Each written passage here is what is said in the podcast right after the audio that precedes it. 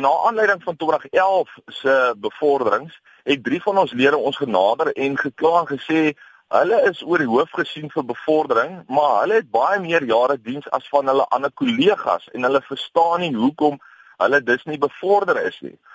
Ons het namens hierdie drie lede nou ondersoek ingestel en het dit aan die lig gekom dat wat die SAPD gedoen het, is hulle het gegaan en gesê wel, ons gaan net 79% van die poste gaan ons vir swart kandidaate gee 8.8% van die poste gaan ons vir bruin kandidaate gee.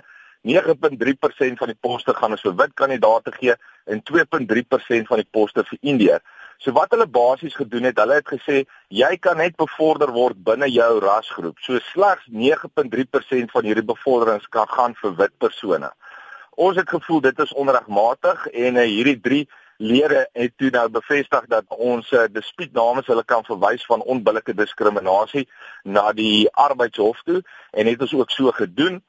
In 2013 met die tweede fase van bevordering het ons die polisie versoek om nie voort te gaan met hierdie bevorderings nie die tweede fase weens die feit dat daar nou 'n hangende dispuut is oor die regmatigheid van hierdie bevorderings en die feit dat hierdie drie lede vir ons nie bevorder is nie. Die polisie wou egter nie gehoor gee aan ons versoeke om dit oor te hou nie en het ons op 28 Februarie 2013 'n uh, interdik verkry om uh, te verhoed dat die tweede fase van bevordering dan nou plaasvind. Nou hierdie regsdispuut vir ons was nou al reeds in die howe gewees en hy sou nou na die arbeidsappel hof toe gegaan het namens hierdie drie lede van ons.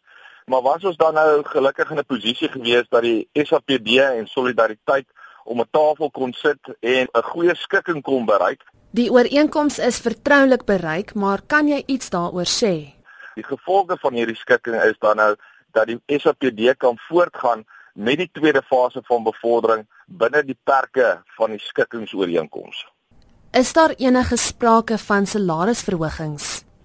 Op hierdie stadium is dit nog onduidelik ten opsigte van die wat die salarisverhogings behels. Wat ons wel kan sê is dat die ooreenkoms en uh, gister se bevestiging van die waarnemende nasionale kommissaris is dat hierdie persone wat dan nou wel bevorder gaan word terugwerkend bevorder sal word vanaf 2013 op die stadium waarop hulle bevorder sou word. So dis 'n terugwerkende bevordering vir hierdie persone. Hulle sal dus alle voordele ontvang asof hulle bevorder is in 2013. So duidelik uh, is daar nie enige nadeel wat daar inhou vir persone wat geregtig was om bevorder te word terme van daai ooreenkoms nie.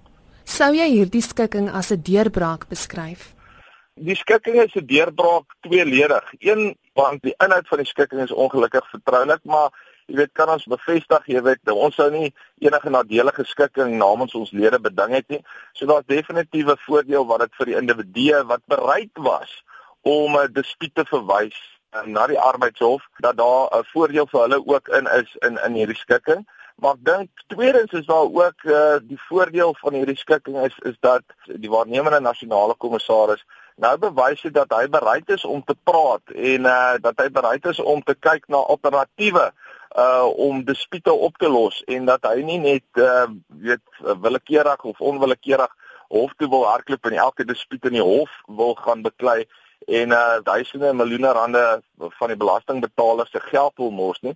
So ek dink dis 'n positiewe ding van die nasionale kommissaris se kant af en dit toon hopelik goeie karakter aan sy kant wat ons vertrou in die toekoms net voordelig sal wees vir die kollektiewe onderhandelings en bedinging tussen vakbonde en die waarnemende kommissaris